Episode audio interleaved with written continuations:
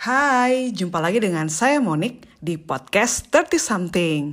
Di season 3 ini, saya mengajak teman saya Chris untuk membahas buku-buku pilihan kami. Kami akan membahas bagian yang kami sukai dan juga bagaimana buku dan penulisnya memberi dampak bagi kehidupan kami sehari-hari. Selamat mendengarkan. Manusia adalah hasil proses evolusi buta yang beroperasi tanpa tujuan ataupun maksud. Tindakan kita bukanlah bagian suatu rencana kosmik ilahiyah. Dan bila planet bumi tahu-tahu meledak besok pagi, alam semesta barangkali akan tetap berjalan seperti biasa.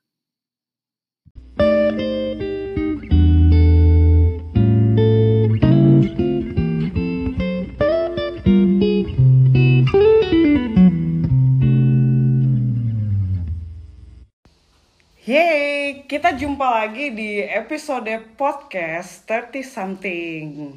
Hai Chris. Halo. Gimana? Gimana hari ini? Hari ini lumayan ya lancar. menyenangkan, Menyenangkan ya. mengajar. Hujan nggak di sana? Enggak nih hari ini lagi gerah banget di Bali. ah, oke sama di sini juga. Eh, Di Medan? Iya, tapi ya kayak ada walaupun kayak panas banget gitu, suka kayak panas tapi tiba-tiba hujan gerimis tapi jadi lem- makin sumuk gitu loh. Kayak panasnya jadi bikin gerah Hmm, seperti itu. Tapi nggak apa-apa hati Menguap ya? hatinya nggak gerah kok. yeah. Syailah. Nah, di episode ini kita akan membahas uh, buku non-fiksi yang uh, setelah kupikir-pikir uh, satu-satunya non-fiksi yang akan kita bahas di season ini. Selebihnya kita membahas our favorite fiction ya. Nah, uh, buku yang akan kita bahas hari ini adalah Sapiens yang ditulis oleh Yuval Noah Harari. Uh, di mana sebenarnya Sapiens ini tuh kayak menurut pengamatanku ya Chris itu baru booming lah di Indonesia itu kayak the last dua atau tiga tahun terakhir ini gitu banyak dibahas. Uh, terus juga ada talk show-nya ada pokoknya banyak yang mengangkat uh, buku ini sebagai bahan diskusi gitu. Nah sedangkan aku sendiri sebenarnya penemuan buku ini agak aneh Chris. Jadi waktu itu aku ada Kenapa? di Gimana? di Bau-Bau di Sulawesi Tenggara kan. Aku lagi ada uh, tugas juga waktu itu tapi kayak like two hours from Bau-Bau gitu. Tapi aku nginepnya di Bau-Bau. Nah di Bau-Bau ini ada mall kecil gitu. Terus uh, satu sore karena kegabutan gitu kan akhirnya aku berkunjung ke mall ini penemuan mall ini dan aku ke toko buku yang uh, sebenarnya kecil banget juga buku ini toko bukunya gitu. Tapi ya udahlah kan uh, se- sebagai hiburan di sore itu aku masuk dong ke uh, toko buku yang kecil banget. Dan aku nggak expect akan ada buku ini gitu. Jadi pas Kayak aku toko buku. Kayak toko buku buat hobbit gitu. yes. Jadi pokoknya dia koleksi bukunya juga sedikit banget gitu kan. Nah yang lucunya Chris pas aku masuk uh, ke toko buku itu si Sapiens ini tuh kayak menghadap ke arah kayak menghadap ke pintu masuk. Jadi kayak kalau kita masuk ke toko buku itu dia nyambut kita. Nah pas aku lihat judulnya kan kok kok unik banget kok lucu gitu terus pas hah aku baru nemu deh buku ini gitu terus akhirnya aku ambil tanpa aku baca dulu kayak kayak ini kayak bagus gitu. Ku ambil tanpa ku baca dan itu terjadi tahun 2018 eh, bulan April gitu ya. Dan the rest is history abis itu. Karena eh, ku pikir aku tuh selalu percaya deh Chris kalau buku yang baik itu akan menemukan pembacanya. jadi jadi aku Oh, gitu ya? jadi aku langsung merasa waktu itu kenapa aku tidak perlu membaca eh, ininya dulu langsung aku ambil karena ini sisa satu aja Chris sisa satu di situ dan aku nggak mau diambil sama Kayaknya nggak bakal nemu lagi gitu ya Yes. di dunia lain. banget gitu apalagi aku waktu itu lagi Di dunia lain selain bau-bau. lagi diantah berantah ya kan jadi kayak ya udahlah gitu akhirnya aku uh, beli terus uh, dan ya gitu the rest is history. Dan ber- dan berlanjut sampai bukunya yang ketiga ya. Itu uh, sama uh, impresinya untuk buku ini buku yang ditulis oleh Yuval. Menurutku kayak membuka kembali eh, apa ya hmm, kalau aku sih karena karena Yuval ini sejarawan ya jadi dia profesor gitu sejarawan. Jadi kayak kayak membawa kita kembali ke our roots gitu loh. Jadi makanya membaca buku Sapiens ini tuh sebenarnya kenapa kenapa aku suka gitu. Kenapa mendalami banget nggak nggak dalam banget sih Chris. Karena buku ini sebenarnya membawaku kembali ke akar gitu. Ak- kembali ke ke awal gitu. Kembali ke akarku as a human gitu. Dan aku pikir ini juga sebenarnya salah satu eh, apa namanya eh, genre buku favoritku gitu loh. Eh, salah satunya non fiksi ini dan si sapiens ini membuatku semakin apa mengenal mengenal apa namanya our history dan juga kayak jadinya makin tahu apa yang membuat kita seperti sekarang ini gitu loh. Dan dan apa apa yang membentuk kita menjadi eh, kayak sekarang dan dan itu juga merupakan sumbangsi dari masa lalu kita gitu dan itu itu yang aku dapat dari dari apa tulisannya si eh, Profesor Yuval ini gitu. Itu sejarah singkat eh, penemuanku tentang sapiens ini. Nah kalau kamu sendiri gimana tuh sejarahmu menemukannya? Eh, aku tuh agak, agak hazy ya memori apa memoriku eh, gimana aku bisa maksudnya eh, ya aku tahu eh, ini eh, Tom suamiku sekarang itu eh, ngasih aku e-booknya. Tapi itu tahun berapanya? Kayaknya sih sebelum aku pergi ke Inggris ya. Mungkin 2000 sebenarnya setelah aku bilang tadi 2019 kayaknya eh, sebelum aku kayaknya mungkin eh, nemuinnya se eh nemuinnya dikasihnya itu eh, dari 2000 sebelum aku pergi deh 2017 2017 Mm-mm. karena pas di Inggris itu aku udah beli buku kedua dan buku ketiga. Dan aku ingat sekarang aku beli eh, apa Homo Deus dan eh, 21 21 Lessons Iya. itu di sana. Hmm, jadi iya. eh, aku udah selesai dulu itu eh, sebelum mungkin antara 2017 2018 ya 2017 kayaknya sebelum aku pergi.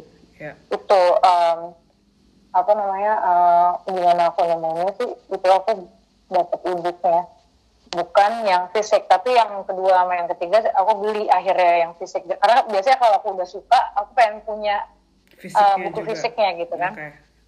uh, uh, terus pas aku nemuin uh, aku sih gini ya uh, kesanku ya tentang buku ini uh, itu kayak gini loh sebenarnya agak lucu jadi aku kayak ngerasa ditampar Mm-mm. ke mana aja selama ini gitu kayak history apa eh, kayak nemu Yuval ini aku ngeliatnya dia kayak eh, profesor sejarah yang nah, dia emang profesor sejarah ya cuma maksudnya kayak guru sejarah yang baik gitu guru sejarah yang fun Iya iya iya.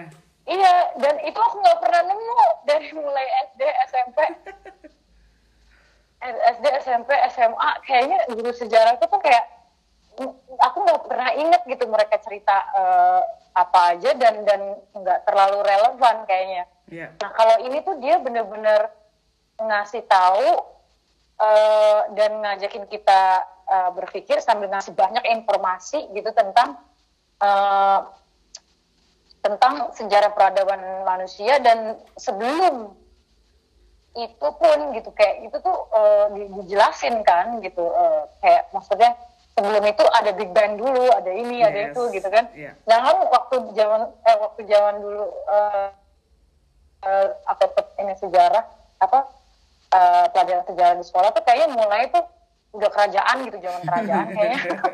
Zaman kerajaan Kerajaan eh, di Samudra Indonesia gitu. Jadi kayak iya terus banyak aku banyak nggak tahu tentang eh, sejarah dunia terus di, apa hubungannya dengan eh, Indonesia gitu. Jadi sebelum Indonesia ada itu kayak gimana gitu sebelumnya? Yes. itu tuh nggak nggak nggak ada gitu. Nah dengan baca ini tuh kita jadi tahu kayaknya eh, itu sih yang paling aku apa namanya terkesan dengan buku ini kita jadi tahu posisi kita tuh ada di mana. Yes.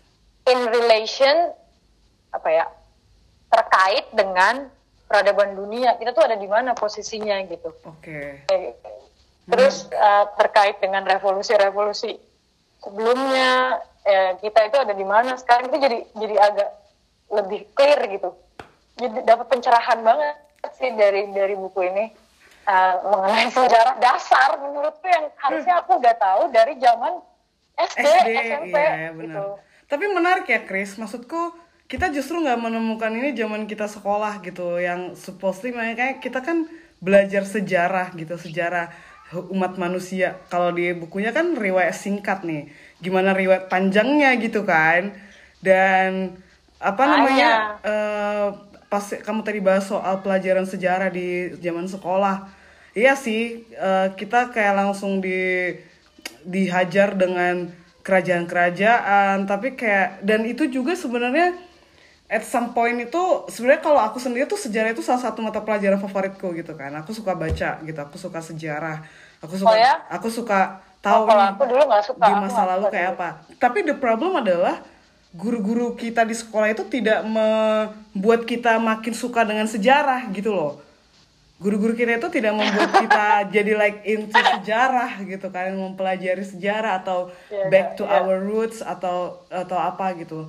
jadi kayak makanya ketika nemu buku ini sebenarnya ini tuh bisa banget nih jadi pengantar pelajaran kan sebenarnya pelajaran sejarah gitu. iya banget banget iya. sebelum sebelum mempelajari kerajaan-kerajaan itu iya nah itu dia sebelum itu jadinya jadi kayak uh, kalau aku sih ngeliatnya kayak missing point gitu ya yeah. karena kan kita sekarang udah ada di era uh, di mana orang ngomongin metaverse gitu terus sebelum itu industri 4.0 gitu apalah ya kan tapi kayak uh, ke belakang lagi itu yeah. itu kayak nggak nggak tercover gitu menurutku um, revolusi-revolusi sebelum yeah. revolusi teknologi itu nggak nggak nggak ada benang merahnya yang yang yang diajarin di maksudnya nggak terlalu dulu ya waktu zaman gue sekolah mungkin sekarang nggak tahu belum gue cek lagi eh, kayak apa kayak apa lebih, lebih sejarah, sejarah di Indonesia udah udah agak berubah belum? Hah? lebih advance sih. Aku aku punya gu, teman guru di salah satu sekolah swasta di Surabaya kan. Itu uh, si sekolah uh itu membatasi uh, pelajaran sejarah itu mereka belajar apa aja. Jadi nggak semua dibahas gitu jadi kalau misalnya ada hmm, kayak peristiwa-peristiwa sensitif tentang sejarah Indonesia itu nggak dibahas, makanya dihapus dari oh no dari mata pelajaran IPS-nya mereka. I know that gitu. Dan itu sangat disayangkan ya. Oke okay, gitu. Okay. Nah kembali lagi nih ke, uh, membahas oh, iya. si sapiens. Nah kan kalau dari sapiens ini kan uh, kita di dikasih tahu nih sama si Yuval ada beberapa revolusi yang terjadi gitu kan sebelum era kita kayak sekarang ini gitu. Itu tadi kayak revolusi kognitif revolusi pertanian revolusi industri sampai sekarang tuh kayak revolusi apa ilmu pengetahuan apa sains lah gitu. Yang ada kemudian AI dan lain sebagainya. Nah jadi aku berpikir uh, apa kita bagaimana kita saat ini kan sebenarnya dibentuk dari bagaimana kita di masa lalu ya dan salah satu impresiku tentang tentang uh, setelah membaca ini adalah uh, betapa setiap uh, setiap kontingen benua gitu ya uh, itu tuh perkembangannya itu berbeda gitu. Jadi katakanlah misalnya kalau di Eropa pada masa itu uh, sudah ada pokoknya pas zamannya penemuan-penemuan ya ada si Thomas Alva Edison terus ada si yang nemu penisilin lah gitu. Aku lupa yang James. nemu uh, itu uh, uh, Alexander Fleming. uh, Fleming dan lain-lain. Itu pada saat itu uh, aku pikir benua Asia atau Amerika uh, belum se-advance itu gitu kan. Jadi saat orang-orang Eropa sudah uh, punya waktu luang untuk melakukan penemuan-penemuan atau Mozart lagi mikirin uh, partiturnya gitu ya kan?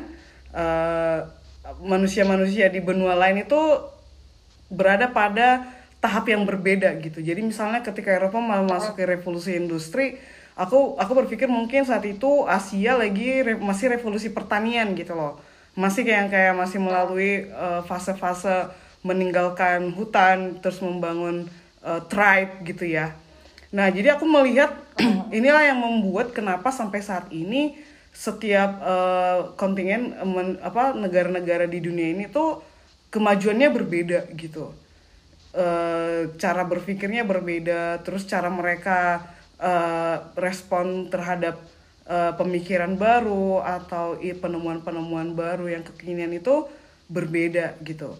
Dan ini yang aku pikir ada aku nggak tahu siapakah ini disebut ketimpangan gitu. Tapi kayak kita bisa lihat gitu bagaimana misalnya Inggris atau negara sebagian besar di negara Eropa Barat itu kayak misalnya Be- Belanda sama Portugis tuh punya waktu untuk ekspedisi kemudian menjajah negara termasuk Indonesia gitu kan. Yang pa- pada saat itu Indonesia kupikir ya masih zaman feodal ya kerajaan-kerajaan which is aku membayangkan itu masih revolusi pertanian gitu Eh, jadi kayak ada semacam keterlambatan kah? Atau ada yang terlalu cepat? Aku nggak aku nggak bisa pastikan gitu apakah itu disengaja atau enggak jadi aku jadi berpikir tuh kenapa setiap benua itu atau setiap negara itu punya fase yang berbeda-beda eh, ngomongnya tentang mengalami keempat revolusi ini gitu loh Chris. Ah.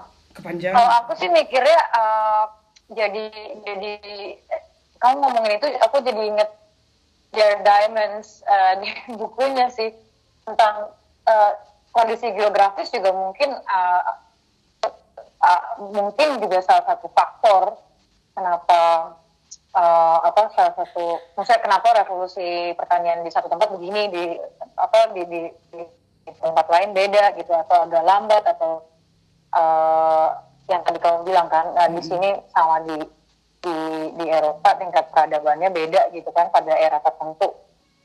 Ya it- aku sih eh, eh, mikirnya jadi jadi ke situ gitu. Mungkin mungkin salah satu faktornya juga faktor geografis juga. Kayak, terus challenges yang ada ini tantangan-tantangan yang ada di di di di, di apa eh, kondisi geografis yang beda juga kan eh, mem- eh, trigger orang untuk eh, menemukan eh, apa untuk invent eh, hal-hal yang beda kan yes gitu kan untuk untuk menemukan hal yang beda ya nggak sih iya iya iya. cara teknologi maksudnya Nah, eh, terus kan eh, kita juga melihat gitu dari buku ini bagaimana setiap revolusi itu me- kalau lebih ke sini kan jadinya improving ya gitu. Jadi kayak mengimprove eh, cara hidup gitu yang tadinya. Tapi aku pikir juga pasti punya sisi bukan sisi negatif ya, tapi kayak dampaknya gitu. Kayak misalnya eh, mulai dari inilah misalnya pas bercocok tanam eh, masih nomaden gitu ya Eh, dibandingkan misalnya setelah pas revolusi pertanian yang kemudian sudah punya wilayah mem- me- membuat tribal terus kemudian ada domestikasi gitu kan. Menetap. Menetap gitu mau nggak mau. anak. yes gitu. Dan apa me- kalau bahasanya si Yuval kan di sini banyak juga jadi sebenarnya bukan manusianya yang mendomestikasi gandum atau hewan gitu tapi si tumbuhan itulah dan si hewan-hewan itu yang mendomestikasi manusia yaitu akhirnya membuat manusia itu eh, tidak pindah ya karena masih ada hewan yang harus mereka pelihara dan gan- gandumnya masih belum dipanen dan akhirnya membuat mereka menetap untuk menjaga si gandum itu untuk menjaga si hewan-hewan itu gitu Eh, itu misalnya salah satu ciri dari eh, revolusi pertanian gitu. Tapi kemudian kalau aku pikir ya eh, sisi lainnya adalah akhirnya ini juga yang mem- men- apa men-trigger adanya perang ya gitu. Jadi perang memperebutkan eh, apa sumber daya daerah lain yang mungkin panennya lebih besar kemudian perang suku lah atau segala macam. Maksudnya ada dampak dampak Iya, karena kan itu karena karena itu kan eh, terkait ownership juga kan, karena apa kepemilikan gitu. Itu dimulai eh, pada saat adanya eh, revolusi agrikultur itu kalau nggak salah deh, kayak Iya. apa namanya? Ketika orang tuh jadi udah punya, oke ini tanah, ini tanah gue nih, gitu kan? Eh, Yes. gue bakalan eh, nanam di sini. Kamu daerah situ, gitu. Itu kan di awal kayaknya eh, yang yang trigger apa konflik-konflik selanjutnya dalam hal ownership kan di situ juga nggak sih? yes gitu. Makanya eh, yang kamu bilang tadi itu eh, jadi jadi jadi mengarah ke ke arah situ. Jadi kayak Ya, akhirnya kan membawa dampak-dampak gitu ya. Akhirnya ketika udah membuat tribal, udah stay, akhirnya mereka membuat kelompok, membuat uh, agama masing-masing, membuat dewa untuk di, dipuja, untuk mereka berdoa dan segala macam gitu. Akhirnya muncul lah, uh, maksudnya mulai berkembang lah gitu kan. Uh, kalau menurutmu kayak misalnya apa sih dam? Aku nggak tahu sih, cuman menurutmu kayak revolusi itu nyisain apa sih ke kita sekarang ini atau ke kamu nih ke kita? apa yang apa yang ditinggalin apa yang diwariskan mungkin diwaris kata diwariskan itu lebih tepat ya apa yang diwariskan uh, oleh uh, pengetahuan yang didapatkan oleh nenek moyang kita dari setiap revolusi itu ke kita saat ini menurutmu? Maksudnya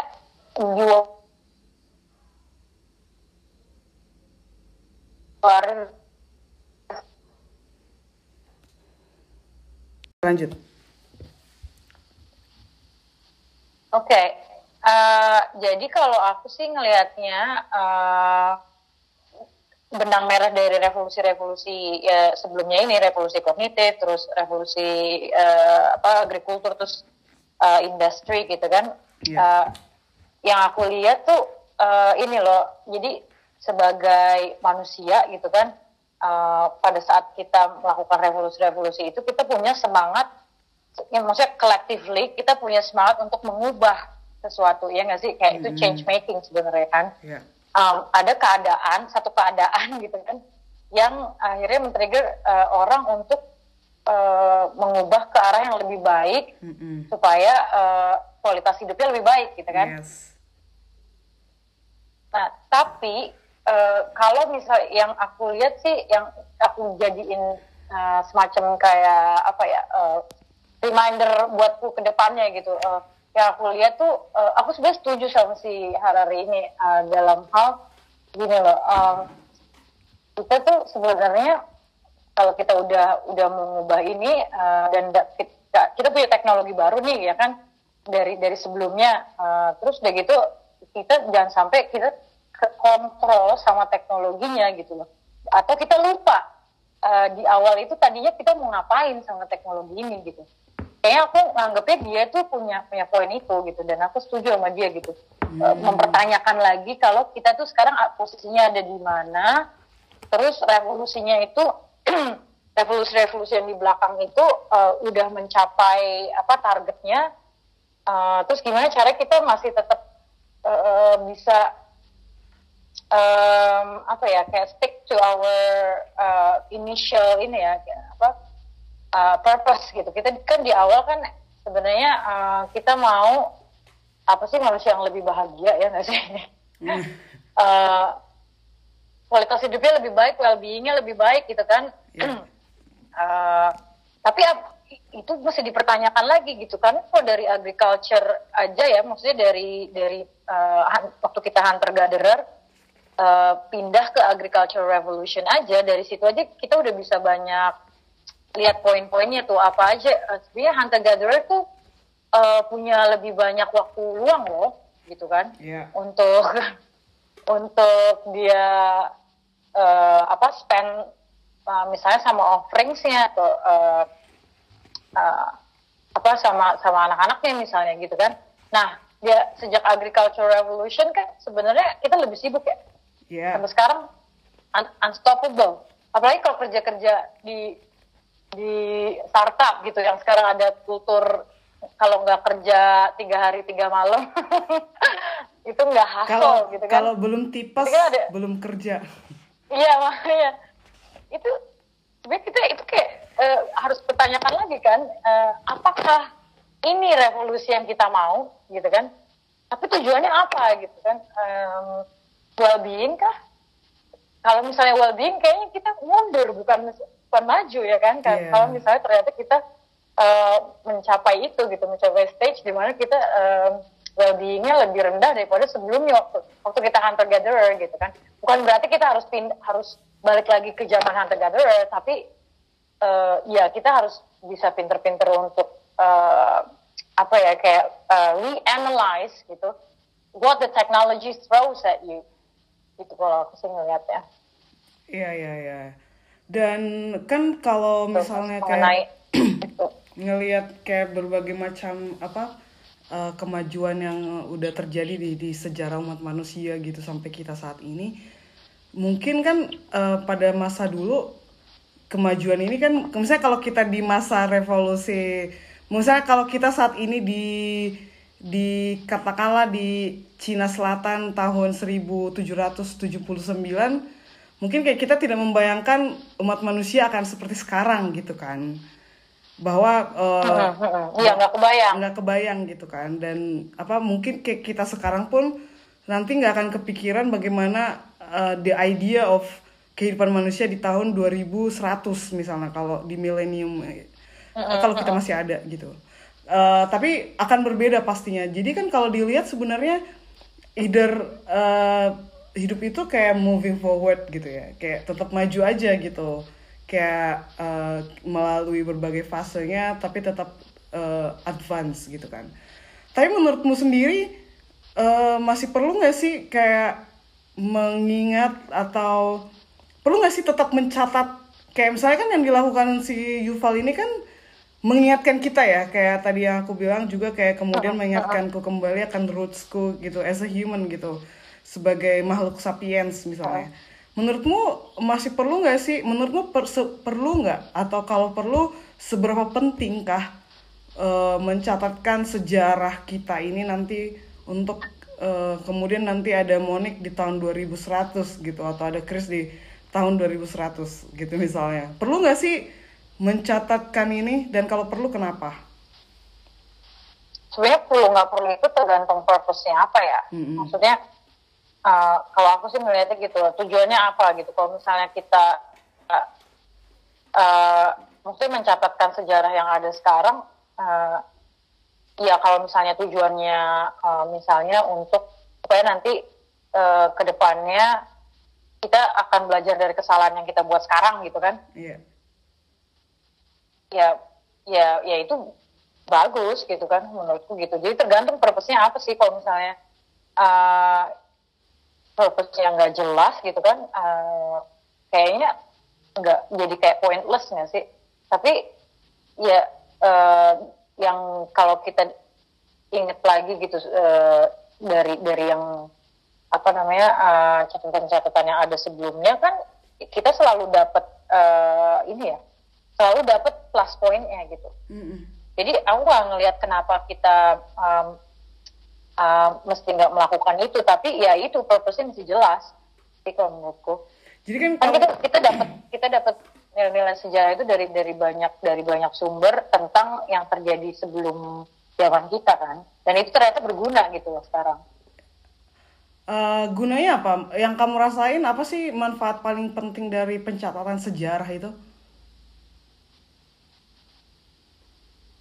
Kalau aku sih ngelihatnya uh, untuk make sense of ini ya, make sense of uh, the reality at the moment gitu. Misalnya gini, paling contoh paling deket ke kita COVID deh, ya kan? Hmm. Uh, kalau misalnya uh, kita uh, pakai rasional uh, rationality, uh, rasionalitas ya, uh, kita pasti langsung buka sejarah dong. Ini sebenarnya kita udah pernah belum sih pandemi nggak langsung komen kalau oh ini nih baru pertama nih kejadian kayak gini nih udah udah pasti buruk banget. Kita nggak bakal bisa ngatasin gitu kan. Yeah. langsung kita nggak akan jump into conclusion kalau ya kita nggak akan lompat ke, ke ke konklusi ke apa namanya ke ini akhir bahwa kita nggak akan bisa ngatasin ini gitu kan. Kalau misalnya kita balik ke misalnya oh ternyata di tahun berapa 1918 ya yang uh, yang pernah ada flu. pandemi ada flu gitu kan? Iya pandemi hitam. Tahunnya tahunnya benar nggak tuh? 1918 ya? Iya. itu kayak terus ada ada ya itu ada ada play gitu kan ada black death itu kayak uh, kalau misalnya kita lihat sejarah-sejarah itu kita bisa lihat apa yang terjadi waktu itu terus apa yang bisa kita uh, lakukan sekarang in relation to 2022 ya kan? Uh, mungkin dengan teknologi yang kalau aku sih ngeliatnya uh, beberapa maksud bukan beberapa ya maksudnya the way scientists dan government work together itu juga uh, mereka cara-cara mereka itu ya baca sejarah juga gimana dulu waktu ada pandemi jadi kayak belajar banyak gitu loh dari dari dari dari uh, scientific papers yang dulu-dulu tuh waktu uh, penemuan vaksinnya kayak gimana, berapa ini bisa dipercepat enggak gitu kan. Jadi penting banget sih menurutku untuk untuk apa projection to the future gitu. Untuk nanti ke depannya kalau ada challenges apa kalau ada tantangan-tantangan baru uh, kan nggak mungkin baru banget kan. Pasti ada pengaruhnya dari past gitu. Ada pengaruhnya dari dari dari kejadian-kejadian uh, sebelumnya. Karena uh, memang begitulah kita. Karena kita awalnya juga bukan bukan kayak sekarang kan tapi kita revol, apa kita melalui evolusi sampai ke sekarang gitu kan yeah. termasuk uh, otak kita juga berubah gitu kan. nah uh, mungkin gara-gara itu sih aku uh, mungkin karena selain suka membacanya gitu aku suka banget kan belajar atau membaca sejarah gitu Uh, kalau aku sendiri aku aku setuju banget gitu bahwa sejarah itu perlu dicatat gitu dan dan ini akan menjadi lesson learn gitu sehingga menurutku itu adalah sesuatu yang sangat memalukan dan tindakan tidak terpuji ketika ada sebuah upaya gitu untuk menghapuskan sejarah gitu kan. Maksudnya oh, iya, iya, iya, benar. Itu itu paling parah sih.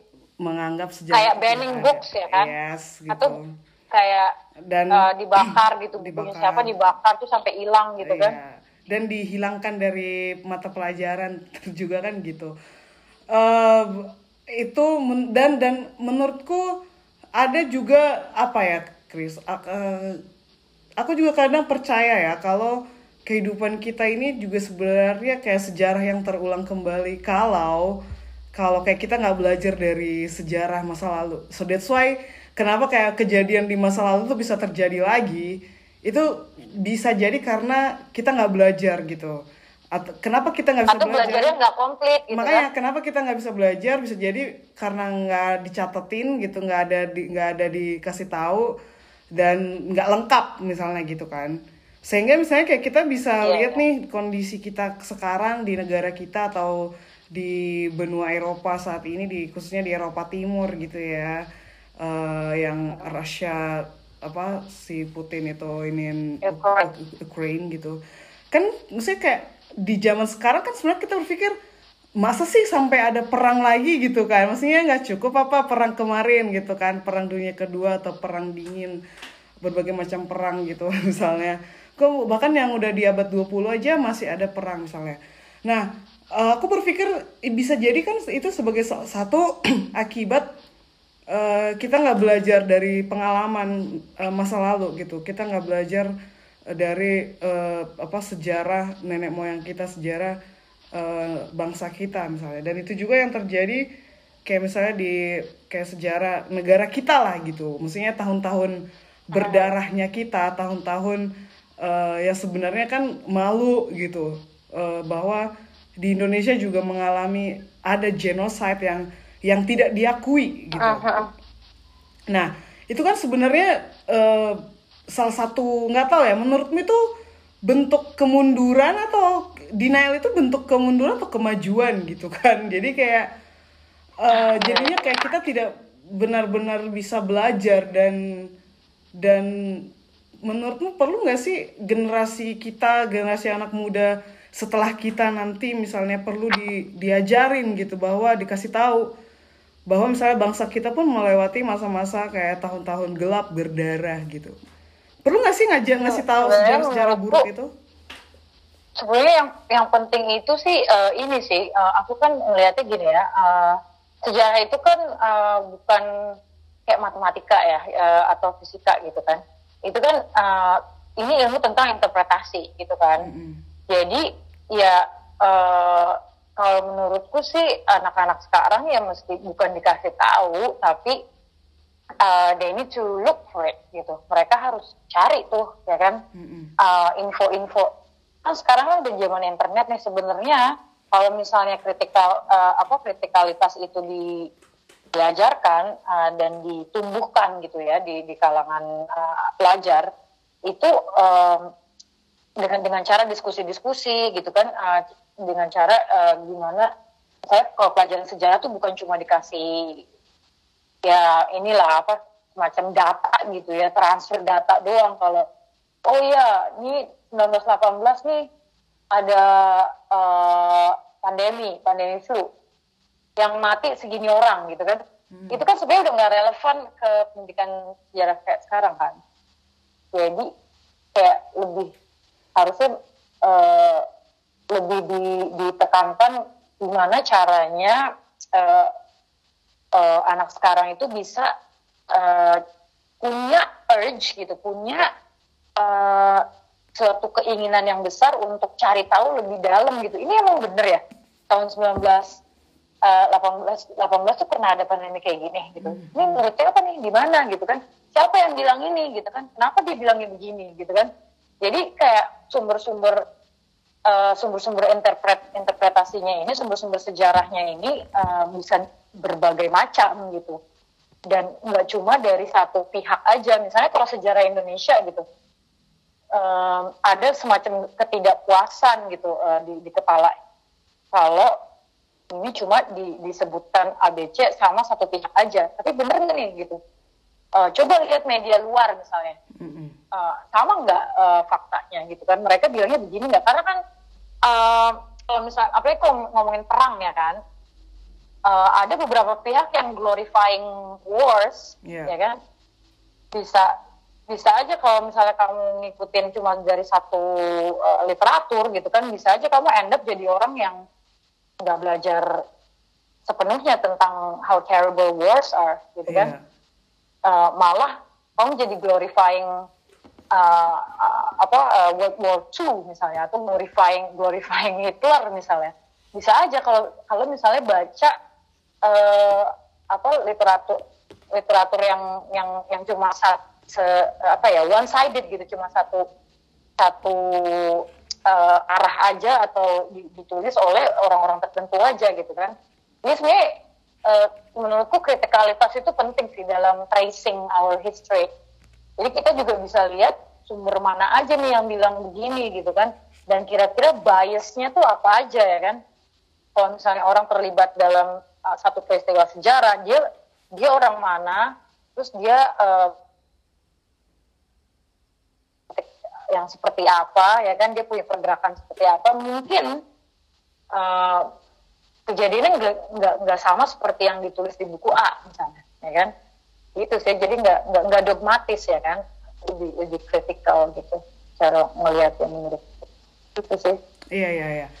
Uh, terus kan uh, kalau misalnya di uh, setelah memasuki revolusi industri terus revolusi sains uh, pengetahuan dan ke kalau misalnya kamu masih ingat juga di buku ini si Yuval juga membahas tentang uh, kamu uh, ingat nggak tentang kehampaan gitu? Maksudnya kalau aku sih ngelihat kayak ada krisis eksistensialis gitu loh di manusia abad 20 ini.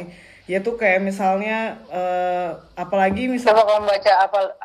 Misalnya yang yang, yang ber, kehampaan. yang berkaitan tentang apa pencarian makna hidup gitu ya. Uh, jadi misalnya uh, ada orang yang kayak berpikir kayak romantisasi jalan jalan-jalan traveling gitu ya.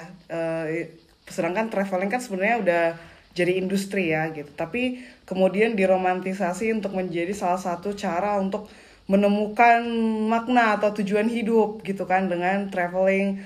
Padahal juga industri kapitalisme juga bekerja di dalamnya gitu. Uh, di dalam uh, usaha upaya traveling itu. Sehingga bagaimana misalnya uh, apa sebuah negara atau kota tertentu menjual uh, objek wisata di kotanya atau memodifikasi me, men, mengindustrialisasi uh, wisata itu sendiri. Nah kalau aku sih ngelihat di sini uh, Yuval itu apalagi yang udah ke bab belakang ya, itu dia dia kayak sebenarnya mencoba mengingatkan kita bahwa jadi aku kayak ngerasa dia sebenarnya penganut nihilism ya gitu. Jadi jadi kalau aku pas baca bab-bab terakhir itu dia ngingetin aku sama uh, Albert Camus gitu uh, Albert Camus. Jadi kayak uh, when apa makna jadi kayak manusia zaman sekarang itu berusaha membuat melakukan upaya apa pun itu untuk uh, merasa ada tujuan hidupnya gitu, ada makna hidupnya gitu. Sedangkan si Yuval bilang di sini bahwa uh, itu cuma delusi aja kok gitu. Apalagi kalau misalnya kayak kamu misalnya merasa punya tujuan hidup atau merasa hidupmu lebih berwarna atau lebih bermakna dengan kamu traveling atau dengan kamu melakukan hal-hal yang charitable misalnya gitu well it's just delusional gitu karena uh, dia sendiri bilang uh, kayak misalnya nih kayak uh, ini nih dia di halaman 469 ya aku bacain oleh karena itu, makna apa pun yang orang-orang sematkan kepada hidup uh, kepada kehidupan mereka hanyalah delusi. Makna-makna yang ditemukan orang-orang zaman pertengahan dalam kehidupan mereka tidak lebih sesat daripada makna-makna humanis modern, nasionalis dan kapitalis yang ditemukan oleh orang-orang modern kayak kita nih gitu. Ilmuwan yang mengatakan hidupnya bermakna karena dia meningkatkan pengetahuan manusia, prajurit yang menyatakan bahwa hidupnya bermakna karena dia berperang, mempertahankan tanah airnya, dan pengusaha yang menemukan makna dalam membangun perusahaan baru tidak lebih delusional daripada orang-orang zaman pertengahan yang menemukan makna dalam membaca kitab suci, berangkat ke perang salib, atau membangun katedral baru gitu. Jadi uh, inilah menurutku uh, salah satu penemuan penting F, uh, dari revolusi-revolusi uh, yang udah terjadi di sejarah umat manusia ya gitu.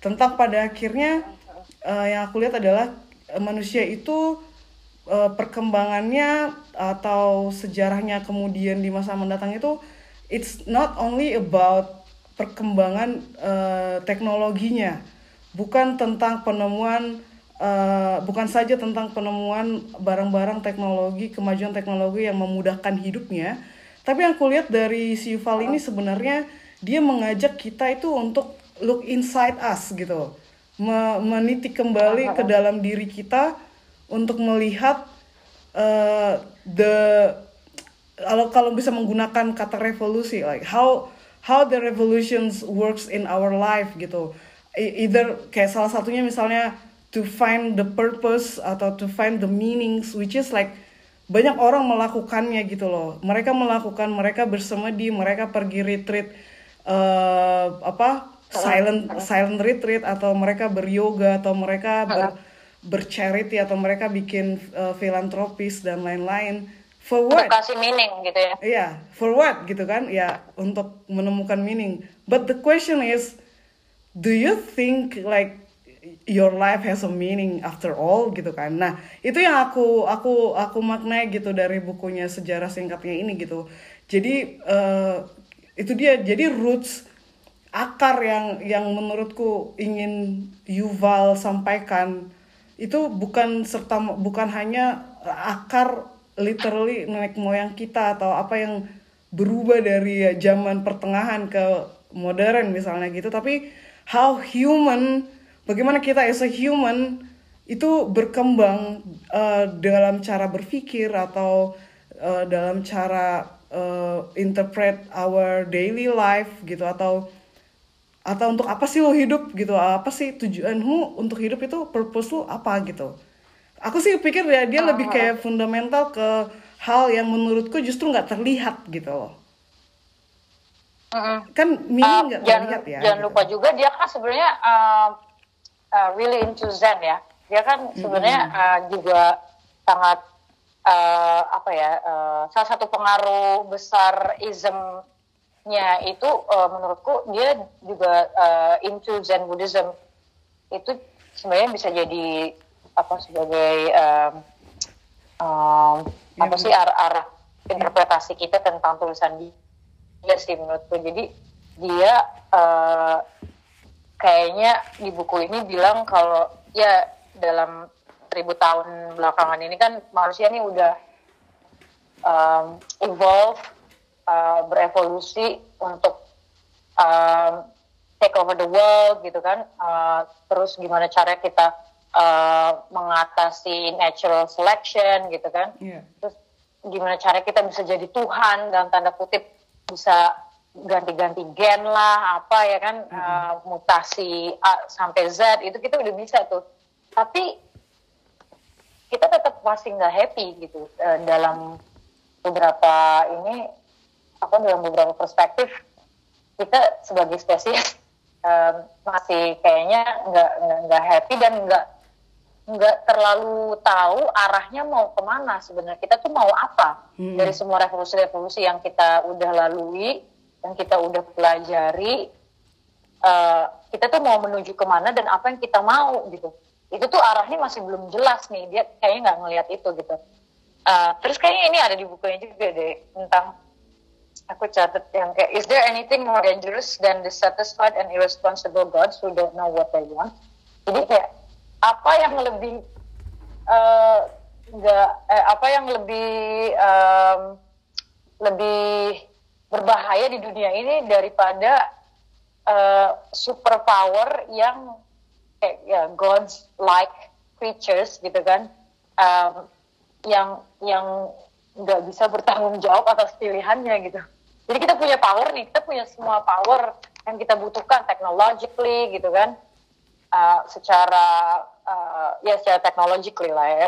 Kita kita secara teknologi kita punya power untuk mengubah ABC untuk uh, apa uh, menyiasati uh, krisis ABC tapi untuk apa gitu? Uh, arahnya mau ke mana? Itu tuh kita masih nggak jelas. Itu sih uh, yang aku kayaknya dapat dari dari buku ini juga. Kayak mempertanyakan balik gitu ke ke audiensnya um, so what do you want? Gitu kan what do you want to do ini udah kita udah melalui jadi dia kayak memaparkan ini yang udah uh, manusia-manusia dulu lalui manusia-manusia sekarang sedang alami tapi terus kita akan menuju ke mana gitu. Itu kayak berupa pertanyaan gak sih? Iya. Yeah. I, I think itu juga sih maksudnya ketika kita mempelajari tentang sejarah sejarah tentang bahkan tentang diri kita pun misalnya our existence juga kan sebenarnya the main salah satu main purpose-nya adalah kayak and then what? gitu kan. Habis ini emang mau apa gitu. Uh, apakah ya apa gitu purpose driven life atau apalah gitu. Nah tapi kan kemudian yang membuat ya itu tadi seperti ya kupikir juga setiap penulis memiliki ini masing-masing ya. Maksudnya ada cara ada adalah yang mempengaruhi bagaimana mereka menuliskan atau ide-ide mereka apa ide-ide yang mempengaruhi cara mereka berpikir dan menyampaikan sesuatu gitu. Jadi itu dia lah yang kupikir juga salah satu kekuatan dari Yuval ini adalah yaitu dia dia me, dia menyertakan bukti-bukti sejarah eh, dan juga di waktu yang sama dia bisa kayak mem membawa bukti yang besar yang terlihat gitu tapi untuk kemudian mempertanyakan yang tidak terlihat itu gitu like ya semacam ya itu kayak makna atau happiness atau atau apa pun yang uh, kamu inginkan dalam hidupmu gitu. Dan juga kan sebenarnya uh, yang aku juga lihat dari dia yang ditulis di sini sebenarnya uh, ketika kita udah mengetahui sejarah kita udah mengetahui roots kita sebenarnya uh, apa ya mungkin bukan tentang kemudian kita, hidup kita jadi bermakna atau atau kita jadi lebih bahagia bukan sih. Tapi menurutku uh, kita manusia ini punya semacam apa ya Chris? Aku tuh ngerasa sejauh apa pun kita melangkah ke mana pun kita jauh atau segala macam gitu menjauh melakukan apa pun ada kayak semacam dorongan uh, apa ya energi tak terlihat gitu kayak di film-film juga ini tuh kayak bisa kita lihat banget gitu. Jadi kayak ada semacam kekuatan itu yang mendorong atau mengajak kita itu untuk look back gitu loh. Untuk kembali ke masa lalu kita tuh untuk tahu ini loh kamu this is this is you gitu. Kayak misalnya oh. kayak film-film superhero juga gitu ya gitu. Ketika kemudian mereka give up atau menyerah gitu mereka kayak kembali ke masa lalu diingatkan tentang kayak misalnya dia dari mana terus kalau misalnya Spider-Man kan omongan paman yang meninggal gitu kan mengingatkan dia kan dia harus kembali berdamai dengan masa lalunya untuk kemudian mendapatkan super power gitu kan untuk kemudian bisa memaknai dirinya as a superhero gitu. Walaupun basically sebenarnya manusia biasa gitu tapi kayak the power of uh, roots mengetahui roots mengetahui akar kita kupikir itu bisa at some point ya uh, mengarahkan kita mengarahkan kita untuk mungkin ya kehidupan masa depan kan masih misteri ya gitu. Ya mungkin untuk kehidupan yang lebih baik gitu untuk untuk mungkin untuk hidup yang lebih bermakna atau uh, bagi yang mereka mencari makna atau mungkin untuk hidup yang lebih berbahagia untuk mereka yang ingin berbahagia misalnya gitu. So that's why I think like history itu penting banget mengetahui roots mengetahui sejarah dan menurutku itu juga salah satu pesan dari buku ini ya. Kayak back to your roots gitu kayak tapi sejauh apa pun kita menghindari masa lalu menghindari sejarah tentang diri kita at some point aku pikir kita selalu ditarik kembali bagaimanapun caranya sih. Which is aku juga mengalaminya gitu. hal-hal yang basic ya? Ya walaupun aku bukan superhero ya jadi aku juga setelah kembali ke rootsku juga aku juga nggak tahu mau ngapain juga sih gitu. Kayak tapi uh, yang one thing for sure adalah aku jadi punya preferensi aku jadi mengenali diriku sih. Aku jadi lebih tahu walaupun mungkin dari sekian banyak fase elemen yang yang aku nggak tahu tapi kayak aku tahu sedikit gitu. Jadi tanda kutip kayak aku lebih tahu diri gitu. Uh, sedikit aja gitu misalnya dari banyaknya uh, elemen-elemen yang harus aku ketahui gitu nah kalau uh, apa speaking of that uh, kalau dari kamu sendiri nih uh, speaking of roots atau pentingnya sejarah untuk dirimu atau untuk yang mungkin kayak bisa kamu sampaikan juga so that people uh, apa harus baca buku ini nih apa seberapa pentingnya sih roots itu buat kamu gitu? Um, kalau aku sih ngerasanya uh, ini ya uh, apa namanya penting banget untuk uh, tahu posisi ini aku pribadi ya aku pribadi uh, aku ngerasa semua semua uh, apa usaha-usahaku untuk baca hal-hal yang aku tertinggal gitu. Misalnya aku kan ngerasa aku tuh tertinggal banget dalam hal sejarah geografi gitu karena waktu waktu sekolah tuh aku wasting time banget uh, beneran aku ngerasa kayak itu aku harus catch up gitu sekarang gitu ya kan okay. nah itu semua aku dedikasikan tuh untuk uh, untuk tahu lebih banyak uh, tentang tentang nggak cuma diriku tapi maksudnya nggak cuma ya diriku sebagai manusia gitu kan exist our existence tapi juga linknya dengan misalnya environment gitu kan sebenarnya hubungannya tuh apa antara our existence sama lingkungan kita yang ada di, sekitar gitu kan sama uh, uh, lingkungan yang nggak ada di sekitar tapi sebenarnya ada di sekitar kita. Kalau misalnya kita mau ambil aerial photo dari satelit gitu kan mm-hmm. kita kan sebenarnya ada di, di lingkungan yang lebih besar lagi ya kan?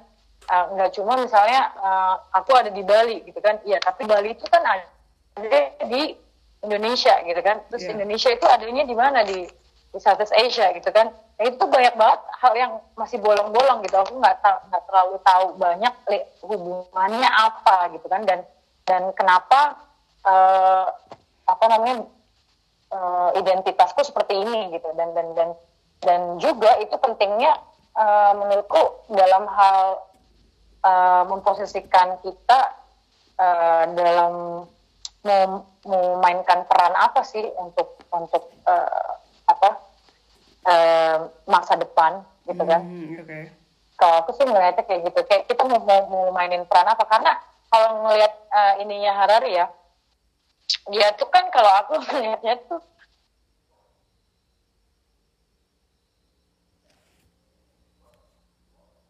apa namanya kalau aku ngelihatnya yang di buku ini ya uh, si Harari ini kan juga pernah di ya maksudnya dia sering diinterview sama orang gitu kan tentang uh, projection dia ke depannya gimana gitu dia uh, bilang kalau dalam 50 tahun sih ya apa namanya uh, ya ya ya agak susah diprediksi gitu kan. Tapi ke 300 tahun gue yakin banget ya gitu. Ke 300 tahun Homo sapiens tuh nggak bakal mendominasi uh, apa bentuk kehidupan di di di di di, di, di planet ini gitu. Dia uh, bukan bukan cuma dia tuh kayak saya banget yakin banget kalau nggak cuma kita itu nggak nggak uh, akan mendominasi hidup uh, di, di di bumi ini uh, mungkin aja dia nggak ada sama sekali gitu. Nah. Kalau misalnya pace-nya kayak gini terus nih. Iya. Kalau misalnya pace teknologi apa pace kita tuh uh, ca- cara kita uh, destroying ourselves ecologically kayak gini gitu kan Iya. dengan dengan cara yang yang sama kayak gini terus bahkan meningkat gitu kan ya ya kita dalam 300 tahun sih kayaknya udah nggak ada gitu jadi ya udah kayaknya uh, pesan tersiratnya adalah you gotta put meaning into your life or whatever you know like make yourself happy and Yeah. observe what can make you happy and then enjoy the last um, 300 words gitu, eh, 300 um, years walaupun manusia kan nggak akan hidup sampai selama itu kan Iya. cuma ya paling paling tua eh, manusia paling hidup ya Mhm. maksudnya satu umur manusia gitu kan cuma sampai 80. berapa 100 misalnya ya kan Iya. tapi kayak untuk human humansnya sendiri sebagai spesies maksudnya dia sebagai spesies itu kayak 300 tahun juga pasti hilang dari muka bumi ini kalau level of destructionnya sama persis kayak sekarang gitu. Nah, Ya, itu itu, prediksi. aku melihatnya ya uh, in relation ke itu sih. Jadi uh, nggak nihilism juga, as in like we can't change anything, kita nggak bakalan bisa mengubah apa pun gitu kan, nggak kayak gitu. Cuma aku ngelihatnya apa yang bisa dilakukan sekarang, belajar dari uh, apa past history gitu kan, dari dari dari sejarah-sejarah sebelumnya nih, dari kegagalan-kegagalan sebelumnya atau keberhasilan-keberhasilan sebelumnya yang punya dampak-dampak eh, degradasi apa namanya eh, lingkungan juga ya kan? Misalnya dari industri dari sejak eh, revolusi industri itu kita nggak pernah balik lagi nih dalam hal polusi. Nggak pernah nggak pernah sama sekali balik lagi gitu kan? Sejak mesin uap ditemukan kita polusi polusi level kita atau eh, tingkat rainforest kita tuh terus polusi menanjak dan eh, rainforest menurun gitu kan? Nggak pernah nggak pernah sebaliknya gitu kan nah itu kan sebenarnya hal yang yang mungkin masih bisa direvolusi lagi mungkin kalau kita berubah secara drastis gitu kan eh, dalam 300 tahun ini sebelum kita menuju kepunahan massal gitu sih aku Oh ya, tapi speaking of that, aku jadi ingat juga eh, selain di buku ini juga ada di buku si Elizabeth Colbert itu. Aku suka banget kepunahan keenam. Eh, juga di buku ini eh, si Yuval, aku, per- aku eh, mereka sama-sama menyebutkan bahwa manusia itu berpotensi sebagai spesies yang paling berbahaya sebenarnya for the s- apa bumi Self-destructive. kita. Yes, kita itu berpotensi banget gitu eh, manusia. Jadi sebenarnya kalau manusia nggak ada sebenarnya nggak apa-apa, tapi kan animal dan lain-lain sebenarnya bisa hidup ini ya gitu. Eh, maksudnya karena tadi kamu bahas soal itu, eh ya itu tadi ya, maksudnya berarti eh, apa kita sama-sama sepakat bahwa mempelajari sejarah itu penting, terus juga eh, nggak cuman one sided of history. Jadi kan walaupun sebenarnya sejarah sebuah bangsa misalnya itu selalu di, dipegang sama penguasa yang memenang, yang menang ya gitu. Jadi so that's why so that's why uh, perlunya referensi yang berbeda.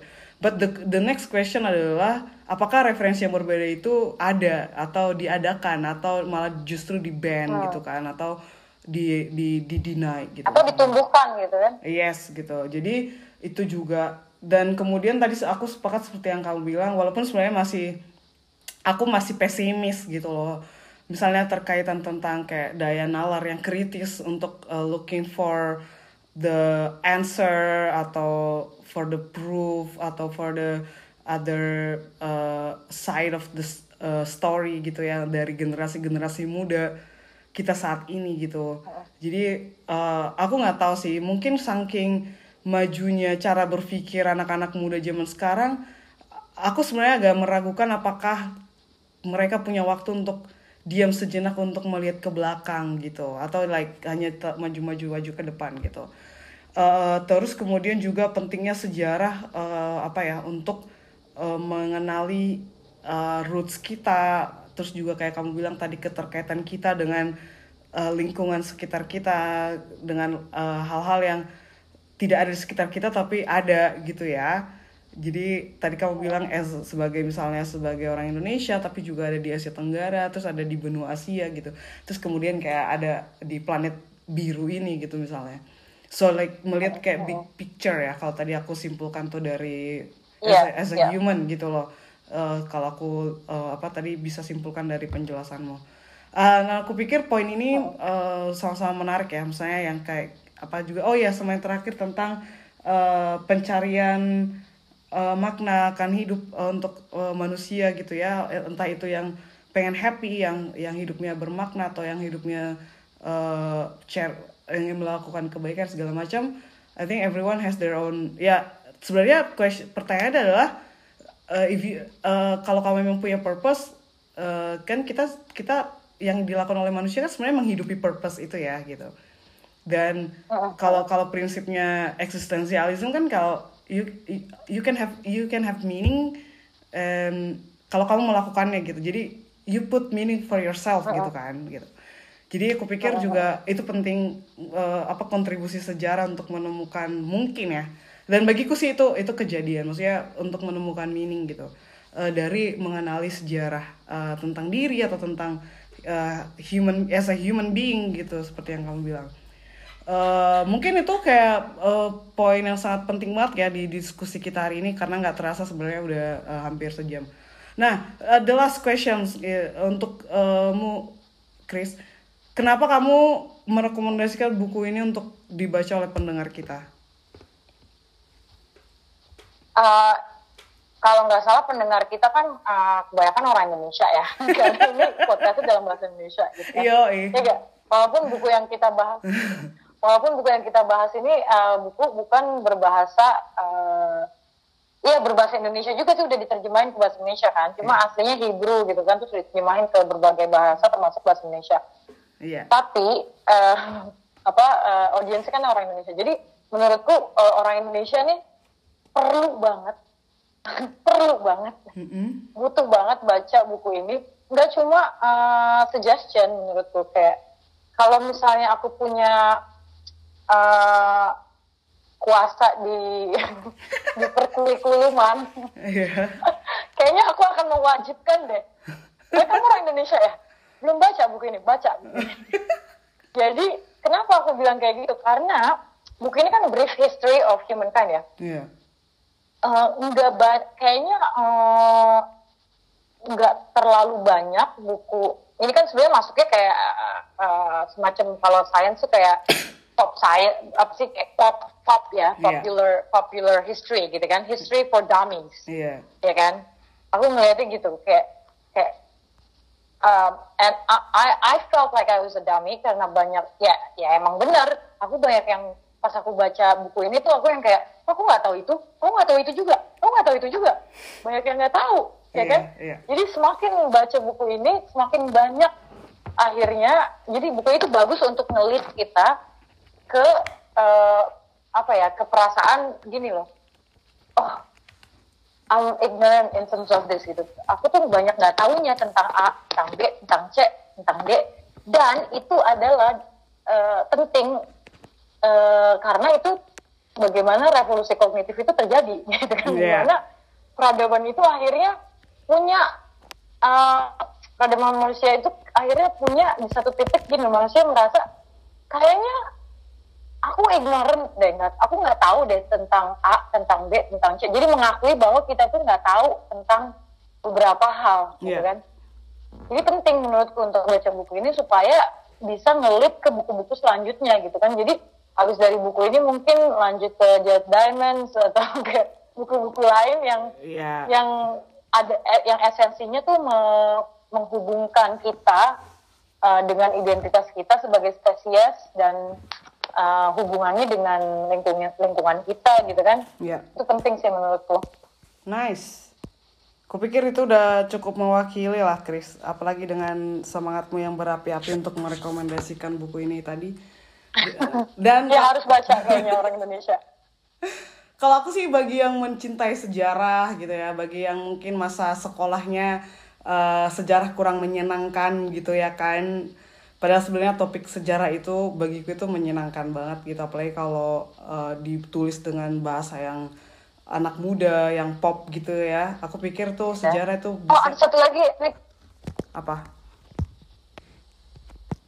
belum ku lupa uh, kayaknya uh, ini harusnya sih dijadiin disclaimer tapi ya udahlah dijadiin yang akhir aja ya uh, di akhir uh, kalau misalnya baca buku ini karena kan aku tadi merekomendasikan gitu ya kalau misalnya baca buku ini mendingan baca dengan pikiran terbuka jangan menganggap buku ini dogmatis gitu kan Iya. dogmatis tuh jadi kayak semuanya uh, ya ini apa yang Harari pikirkan uh, atau Harari presentasikan sebagai um, apa klaim-klaimnya dia atau bukan klaim sih kayak dia dia mau menunjukkan A B C gitu kan. Itu bukan nggak ada nggak ada konsekuensi moralnya gitu kan. Jadi bukan berarti kita uh, dipaksa untuk mempercayai A B Iya, atau C ah, yang iya, dia betul. dia bilang gitu. Jadi kalau misalnya dia ngomongin sejarah manusia dari segi saintifik dari segi eh, apa perspektifnya kan semua saintifik kan di sini nggak ada yang perspektifnya dogmatis gitu kan Mm-mm. jadi itu itu penting sih di, Iya, iya. dicamkan gitu jadi jangan eh, menganggap bahwa ini adalah eh, Kitab suci. apa sih kayak keputusan membaca ini iya keputusan membaca buku ini adalah eh, kamu nantinya jadi keluar dari agama apa enggak gitu nggak kayak gitu ya kan itu di- dijadikan eh, bahan renungan aja gitu di- dijadikan bahan analisis gitu kan Nanti kalau mau hasilnya gimana ya ya terserah masing-masing lagi gitu. Iya. Eh, sama, sebenarnya aku juga tadi mau ngomong itu di awal sih bahwa apa buku ini membaca bukunya Yuval atau membaca buku-buku sejarah yang relate to our history as a human itu tuh pasti ya kamu harus melepas dogma yang udah kamu miliki gitu loh. So there's- eh, maksudnya kamu harus lebih open ya gitu. Dan apa namanya itu juga sih menurutku sisi sisi baiknya sains atau ilmu pengetahuan adalah dia berkembang gitu. Sumbernya banyak referensinya banyak gitu. So itu tadi aku sepakat eh, yang kamu sampaikan itu. Dan aku pikir eh, itu bisa jadi akhir dari diskusi kita di malam hari ini Chris. Thank you banget eh, Oke. untuk pemikiran-pemikiran yang kritis dan modern untuk buku ini. Sampai jumpa di episode berikutnya. Thank you, Chris. Sampai jumpa. Makasih. Thank you for having me.